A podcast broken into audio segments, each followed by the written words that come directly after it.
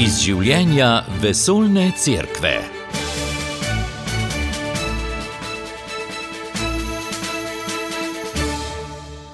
Drage poslušalke, spoštovani poslušalci, v tokratni oddaji je naš gost ljubljanski pomožni škof Anton Jamnik. Nedavno je bil pri Komisiji škofovskih konferenc Evropske unije, ki jo poznamo tudi pod kratico Komece, izvoljen za predsednika Komisije za etiko. Danes bomo tako govorili o etičnih vprašanjih, s katerimi se ta komisija ukvarja. Gospod Škof, lepo pozdravljeni. Prisrčen pozdrav. Ja, najprej izrekamo čestitke ob imenovanju za predsednika Komisije za etiko. Kaj vam to imenovanje pomeni, ali drugače rečeno, kaj to pomeni za crkve v Sloveniji? Ja, imenovanje za predsednika Komisije za etiko pri Komeceju, oziroma rečemo lahko kar Komisija za etiko pri Evropski uniji, na evropski ravni Evropske komisije za etiko, je predvsem odgovornost, je predvsem eno delo, zahtevno delo, ki upajmo, da bo imelo kakšne konkretne rezultate, sodelovanje z vsemi državami Evropske unije, vsake države je po en član. In redna srečanja po Zoomu, v živo, v Bruslu se vsaj dvakrat na leto srečamo, imamo pa tudi priložnost na srečanja vem, v drugih državah, recimo v mesecu maju bo v, na Malti, potem bomo imeli na Dunaju, potem v Bruslu. Skušamo spremljati to aktualno dogajanje na področju etike. Komisija za etiko ima predvsem to nalogo na crkveni ravni, da spremlja vse to, kar se dogaja na politični, družbeni ravni pri Evropskem parlamentu.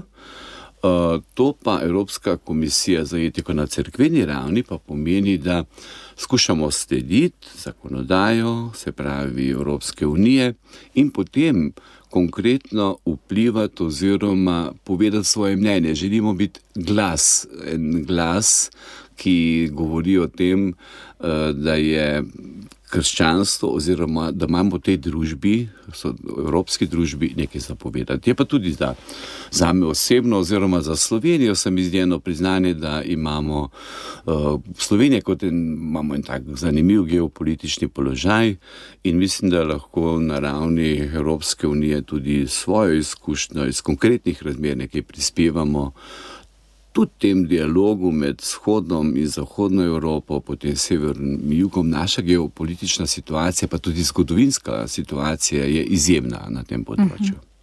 Katere komisije oziroma delovne skupine pa še delujejo znotraj Komisije škofovskih konferenc Evropske unije? Pri Komeceju znotraj Evropske unije, škofovskih konferenc, deluje še komisija za socialne vprašanja, šolstvo, begunce, pravna vprašanja in za etiko.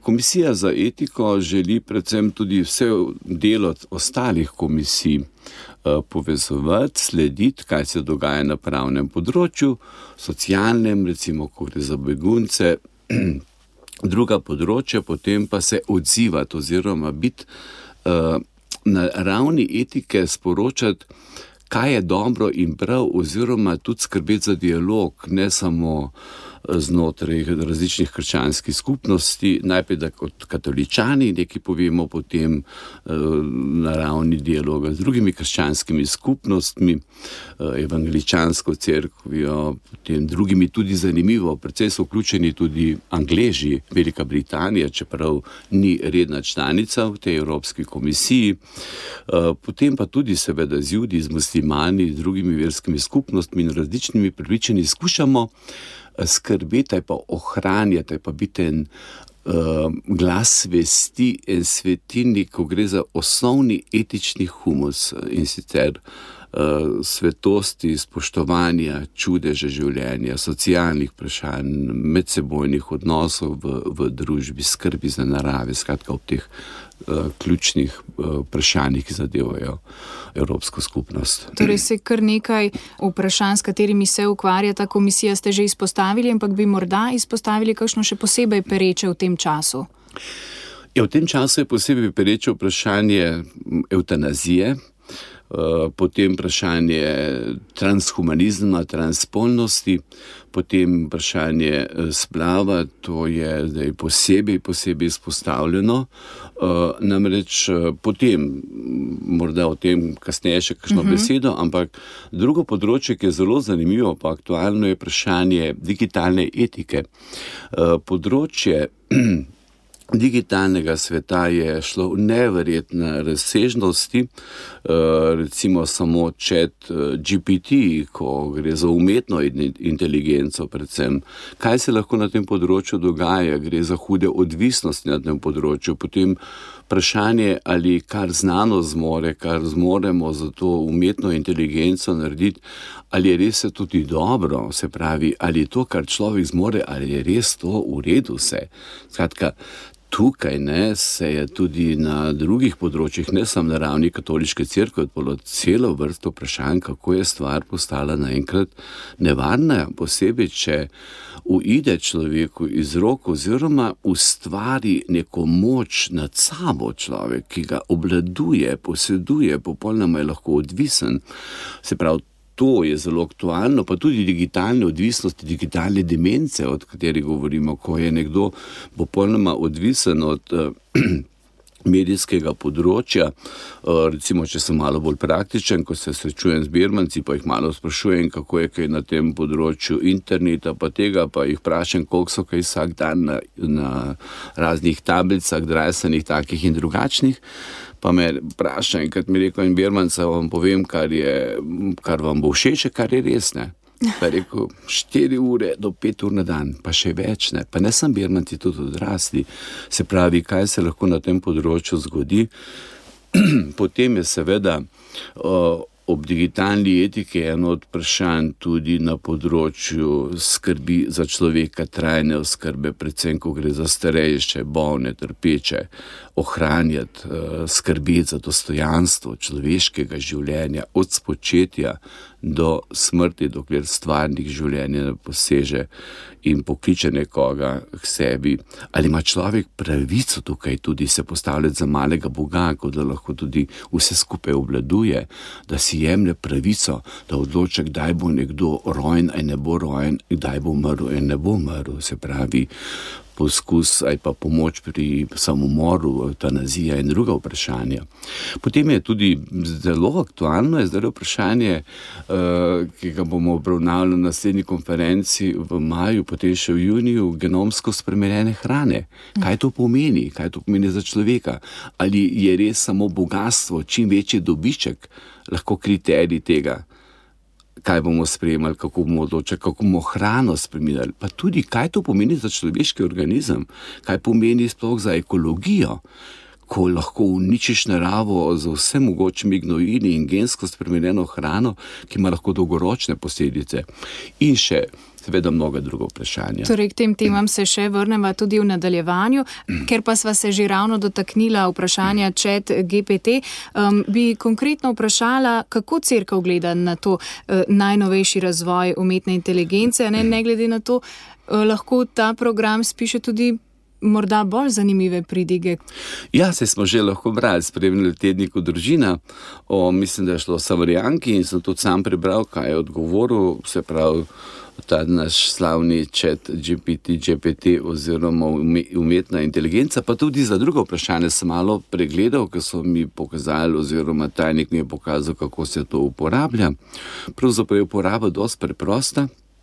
Eh, stvar je tako, pri vseh stvarih naj bo to pri internetu, pri drugih stvarih, ki jih imamo na tem svetu, od zdravil, pijače, hrane in drugega. Ampak, če se k temu vrnemo, če uporabljamo stvari po pameti, oziroma nam služijo, potem je to hvala Bogu, če je neka zmernost pri tem, pa da človek eh, uporabi stvari, ki mu lahko olajšajo življenje. Tudi to umetna inteligenca nam pri mrsičem lahko pomaga, zbere podatke o neki stvari.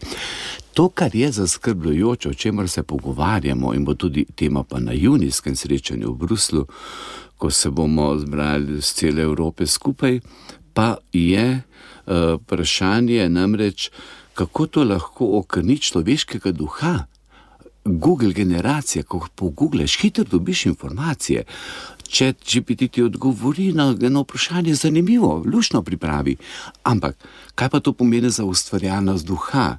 Kaj pa pomeni to, da se nekdo poglobi nek originalen tekst? Te vemo, um-, umetna inteligenca zbere vse mogoče informacije, jih združi v neko logiko, potem pa pove. Neke osnovne misli so lahko čisto v redu, ampak, ampak ključno pri nekem sporočilu, ko nekaj napišem kot študent, kot profesor ali pa pri pridigi. Ne, ja, lahko nekdo pogleda doma, pa bo videl, ne vem, v katerem evangeliju že točno, pa bo super lahko dobil. Ampak duha ustvarjalnosti tistega trenutka, aktualizacije, eh, pa mene osebe, duše ni v tem tekstu, ne, lahko si s temi stvari pomagamo, ne more biti pa to osnova potem za komunikacijo. Ali pa nadomestilo. Tako je.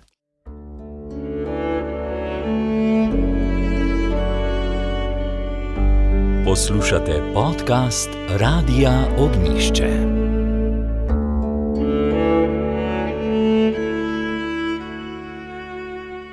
Poslušate oddajo iz življenja vesoljne cerkve, v kateri je tokrat naš gost, ljubljanski pomožni škof Anton Jamnik, ki je bil nedavno izvoljen za predsednika etične komisije pri Komisiji škofovskih konferenc Evropske unije. Gospod Škof, ena od trenutno perečih etičnih vprašanj tudi pri nas je eutanazija. Na kaj pri tem še posebej opozarjajo škofje iz držav Evropske unije, ki so že sprejele tak zakon? Ja, v marsikateri državi po Evropske unije je že uh, sprijet zakon o eutanaziji. Uh, naloga Evropske komisije za etiko, se pravi v Bruslu, uh, je predvsem tem, da spremljamo zakonodajo na ravni Evropske unije, to, kar je univerzalno potem za vse države. To pa ne pomeni, da ne spremljamo konkretnih držav, recimo nizozemska, primer eutanazije že dve desetletji ali še več. Je zakon sprejet. Praktične izkušnje, ne vem, nizozemske, Kanade, drugih držav, ker to že dlje časa poteka, je, da se ta meja začetka so rekli, ti pa ti pogoji bodo, da se bo lahko eutanazija zgodila. Potem se še malo doda, potem je poskus pri samomoru. Potem, je, potem se dogaja, ko spremljam, ko je predstavljal uh, se pravi profesor z Utrehta, razmere na nizozemskem, se naenkrat ta meja pomika.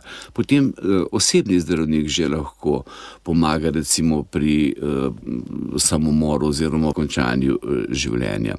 In tudi tudi na ravni eutanazije, potem se pomika meja do ne vem katerega leta starosti ali neke depresije, nekega posebno težke situacije, pa potem se bi kar za odločil kar za uh, eutanazijo. Najteže je, ko se ta meja prestopi, potem lahko gre v hude, hude nevarnosti, namreč da se to izrablja do konca, oziroma posega v življenje na vseh področjih. Pa ne gre to za, gledajte, za eutanazijo, ne gre to za vprašanje splava, ne gre to za vprašanje transpolnosti. Posod gre za življenje. Človek se postavlja v svoji želji po tej razsvetljenski emancipaciji, da je kot mali Bog, da lahko o vsem odloča, celo odloča lahko o življenju. In pri to, to je pa postalo že strašljivo in Evropa. Se tega zaveda Zahod, Amerika, skuša, mislim, da prihaja do neke točke, ko je postalo že tako nevarno.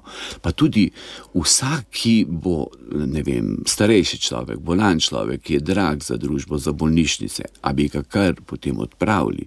Potem nekdo, ki je v težki situaciji, ko se pomika tudi 20, pa še da ramen pubertete, občuti ne vem, kakšne, kakšne stvari, pa bi kar, kar končal življenje.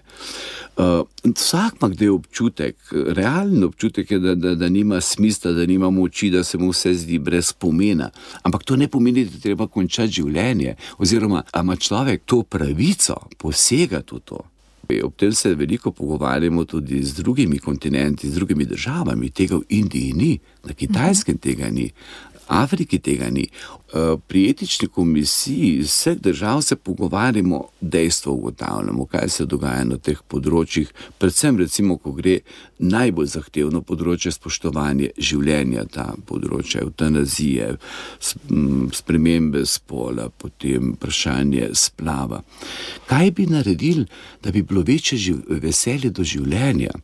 Kaj naredimo lahko, da bomo za starejšega človeka poskrbeli, da bi imel dostojanstvo do smrti? Kaj lahko naredimo, da nekdo, ki bo v puberteti se počutil, ne vem, težko sprijema samega sebe, da bo prebrodil to krizo in da bo imel rad sebe, da bo rad to, kar je. Ko ste malo prej omenili tudi druge kontinente, v Združenih državah Amerike, a ne že stopajo korak nazaj pri splavu, ampak v Evropski uniji se pa pojavljajo ravno nasprotne pobude. Kaj komisija škofovskih konferenc Evropske unije meni o predlogu francoskega predsednika Emanuela Macrona, da bi se v listino Evropske unije o temeljnih pravicah vključila tudi pravica do splava?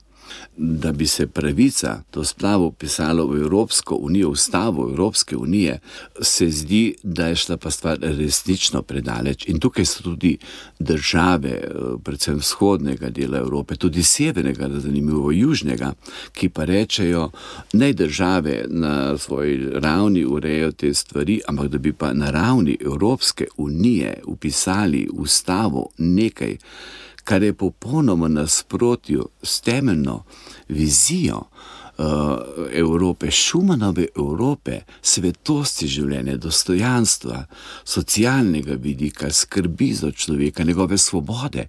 Tukaj bi pisali nekaj, da se odpovedujemo življenju. In kam Evropa gre, če se bo odpovedala življenju? Demografsko je Evropa itak izumera. In da bi povedali Evropskemu parlamentu, ker to je tudi ena od nalog komisije, da oblikujemo stališča.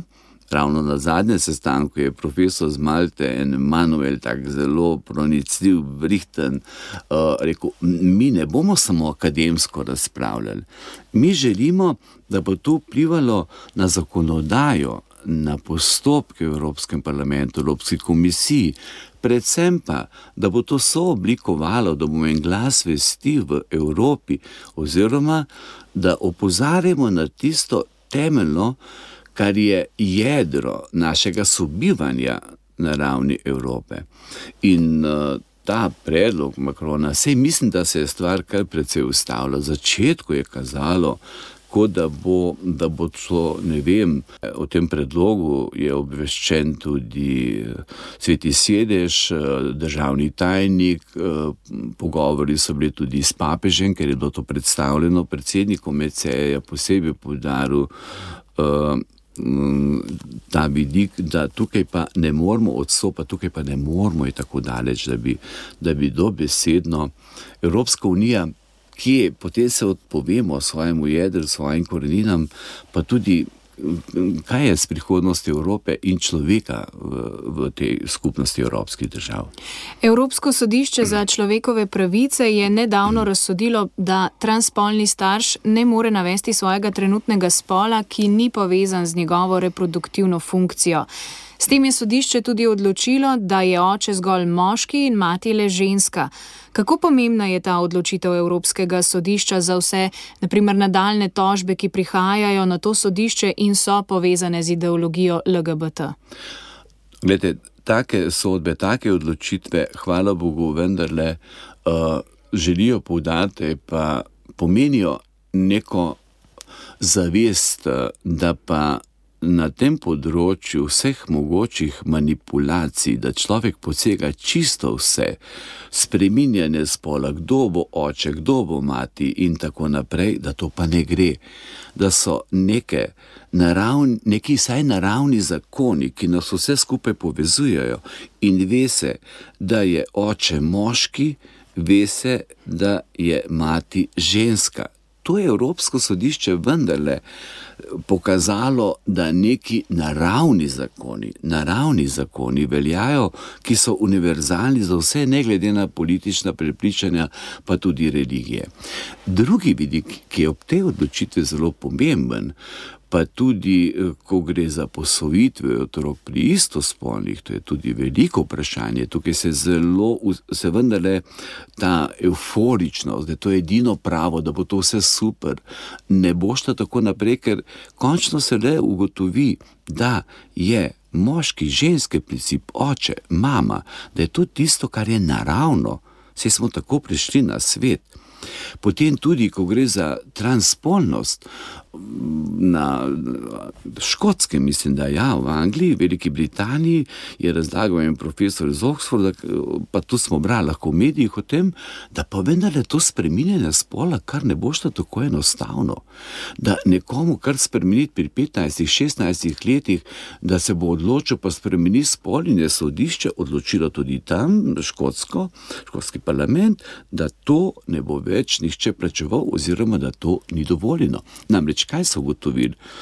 Potem pa je šel nekdo vse te hormonske procese, operacije, in po dveh, treh letih bi se vrnil nazaj, oziroma zaide v strahovito, strašno krizo, ker pa ni poti nazaj. Mrzikje.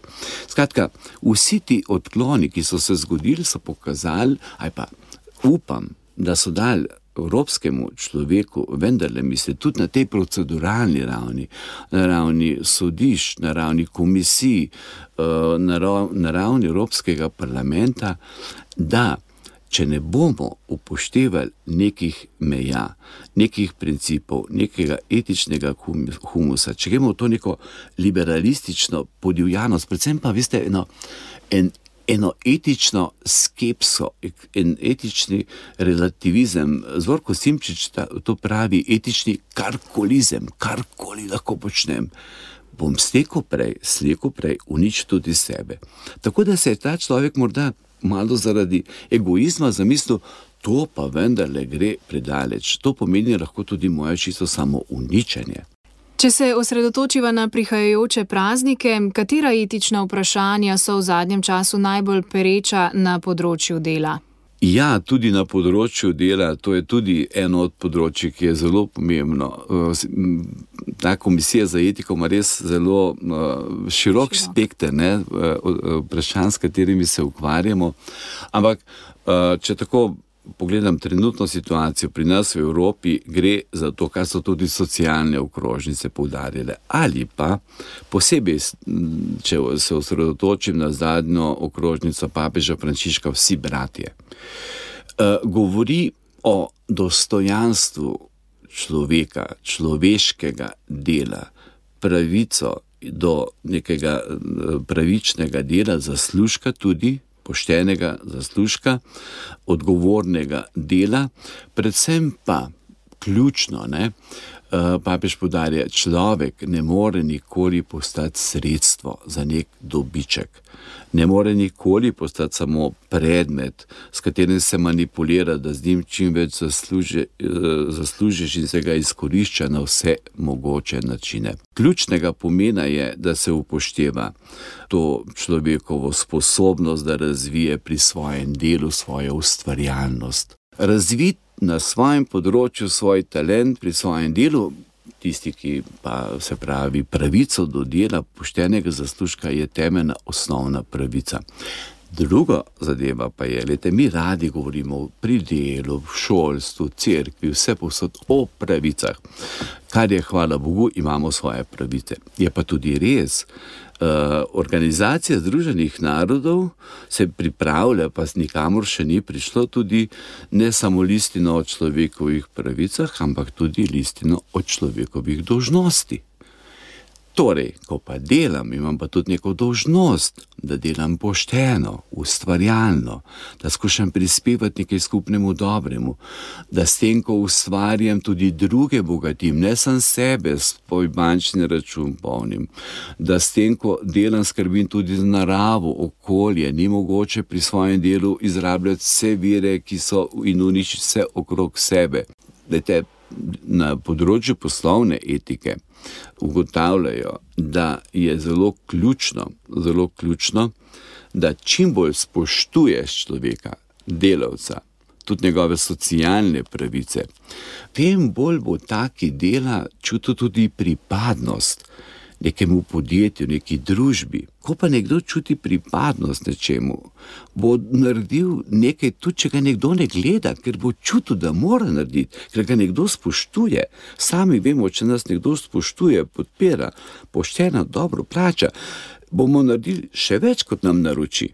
Če pa je zaničevalen odnos, poniževalen, izključujoč, če je nekdo samo mali bog, na vrhu direktor, šef in drug je pa sužen, potem pa tudi ustvarjalnosti ni. Tako da ob teh praznikih uh, želim predvsem, da, da bi Jožef, sveti Jožef, je nam čudovit zgled pravičnega moža, ki sledi božjemu klicu, spolni, spolni svoje poslanstvo na tem uh, odrešenski zgodovini, kot delavec pa pomeni, da daje človeški ustvarjalnosti, delu, neko, neko dostojanstvo, neko osnovo, nek humus, iz tega lahko rastemo, ob seveda spoštovanju vseh različnih uh, pogledov na človeka in na delo, ki so tudi v družbi. Gospod Škof, Anton Jamnik, za konec nam še povejte, kakšen pečat želite dati vi etični komisiji škofovskih konferenc Evropske unije? Evropska komisija za etiko ki jo vodim, pa za, seveda za vso ekipo vseh eh, članov iz 27 držav, želi predvsem biti, kar sem že delno poudaril, ne samo nek, neka akademska debata, nekaj objave nekih člankov, poročil, ampak želimo. Tudi na prvem, drugem srečanju smo to posebej podali, biti zelo konkreten glas v Evropski uniji, najprej v Bruslu, v Štrasburu, na ravni inštitucij Evropske unije, pa tudi po posameznih članicah države. Če bomo vsaj za kamenček spremenili razmere, v katerih smo, uh, en profesor, tale Emanuel z Malte, je zanimiv, je rekel: Jaz ne želim hoditi to, kot sem na neke konference, ampak želim, da se bo nekaj konkretno poznalo, ker vsi pa smo hvaležni zato, da živimo v Evropski uniji. In kot kristijani se zavedamo, da brez krščanskih korenin, brez uh, Janez Pavel II. svet je zapisal, brez tega vzgonskega vetra krščanstvo je dalo nevreten zgon, kako se je dvignila evropska civilizacija z krščanskih uh, temeljev. In na to opozarjamo. Se mi zdi, da je ta evropska družba postala, to vedno bolj ugotavljamo na vseh srečanjih na ravni Evrope, uh, en, enih osamljenih otokov. In papež pravi v svoji okrožnici, vsi bratje, kjer se človek zapre, samo zadostnost, sam vase, tam je smrt. Ko pa smo v bratstvu, tam je pa življenje. In s to mislijo mislim, da lahko končujemo tokratno oddajo. Gospod Škov, Anton Jamnik, hvala za obisko studiu. Hvala lepa vam. Pogovor sem vodila Maja Morela. Poslušali ste oddajo iz življenja vesoljne cerkve. Ponovno ji lahko prisluhnete v našem audio arhivu. radio.ognisce.si Hvala za poslušanje. Podprite brezplačen dostop do naših vsebin in postanite prijatelj Radia Ognišče.